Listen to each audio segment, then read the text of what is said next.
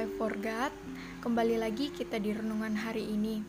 Sebelum kita memulai renungan kita hari ini, mari kita satu di dalam doa dan kita berdoa. Bapa kami yang ada di sorga, Bapa yang kami sembah di dalam nama anakmu Tuhan Yesus Kristus, kami datang mengucap syukur, berterima kasih buat segala berkat dan anugerah yang Tuhan nyatakan ke dalam kehidupan kami masing-masing pada saat ini. Terima kasih Tuhan buat berkat dan rahmat yang telah Engkau anugerahkan kepada kami. Terima kasih buat penyertaan-Mu sepanjang tidur kami hingga kami bisa bangun pada pagi hari yang indah ini dengan tubuh yang sehat.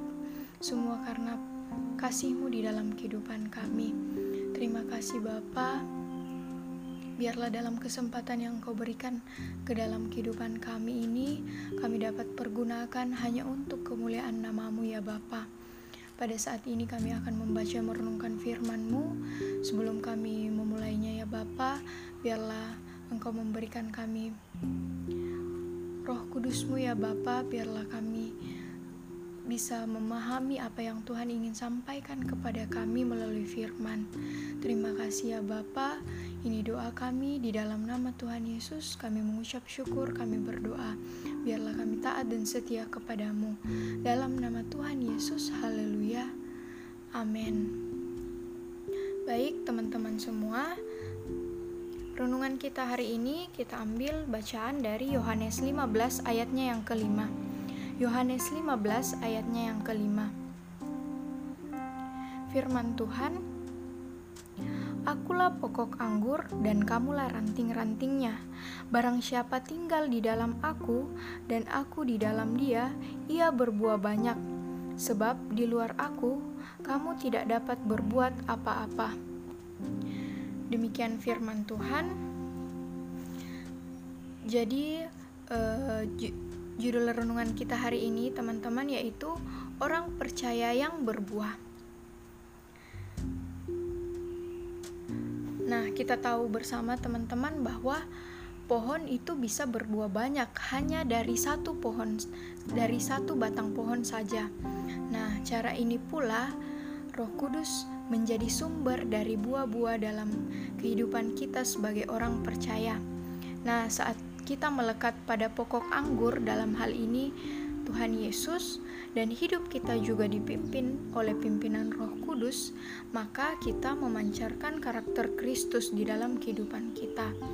Jika kita namun jika kita tidak menaati firman-Nya sampai kapan pun kita tidak akan pernah berbuah.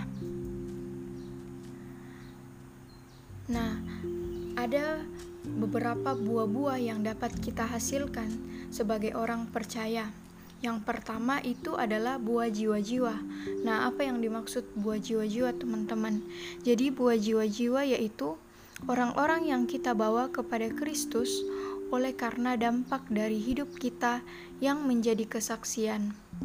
Nah, yang kedua yaitu buah pelayanan. Buah pelayanan yang dimaksud yaitu waktu, tenaga, pikiran, talenta, yang kita curahkan untuk melayani Tuhan dan materi yang kita persembahkan untuk mendukung perkabaran Injil di bumi. Nah, lewat ini kita percaya bahwa Injil makin maju dan disebarluaskan ke seluruh penjuru ujung bumi. Nah, yang ketiga yaitu buah roh. Jadi, buah roh hanya dapat tinggal dan dapat dihasilkan bila kita mau tetap bersekutu dan tinggal di dalam Tuhan dan melekat kepadanya. Hal ini dapat kita lakukan ketika kita menyerahkan hidup kita sepenuhnya di dalam tangan Tuhan dan melakukan segala apa yang kita lakukan di dunia ini hanya untuk kemuliaan nama Tuhan.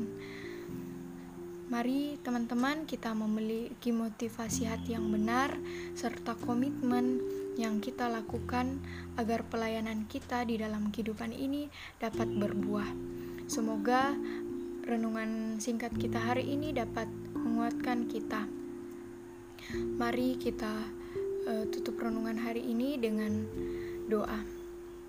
Bapa kami yang ada di sorga, Bapa yang kami sembah di dalam nama anakmu Tuhan Yesus Kristus, kami mengucap syukur, berterima kasih Tuhan, karena penyertaan Tuhan dalam kehidupan kami khususnya melalui firman hari ini kami diajarkan bahwa kami harus tinggal melekat kepadamu sebab engkaulah pokok anggur dan kamilah ranting-rantingnya ya Bapa. Kami mau selalu melekat kepadamu ya Bapa. Kami mau dibentuk agar kami terus berbuah untuk kemuliaan namamu. Ini doa kami Bapa di dalam nama Tuhan Yesus. Kami mengucap syukur, kami berdoa sama Tuhan. Haleluya. Amin. Baik, sekian renungan kita hari ini teman-teman. Tuhan Yesus memberkati.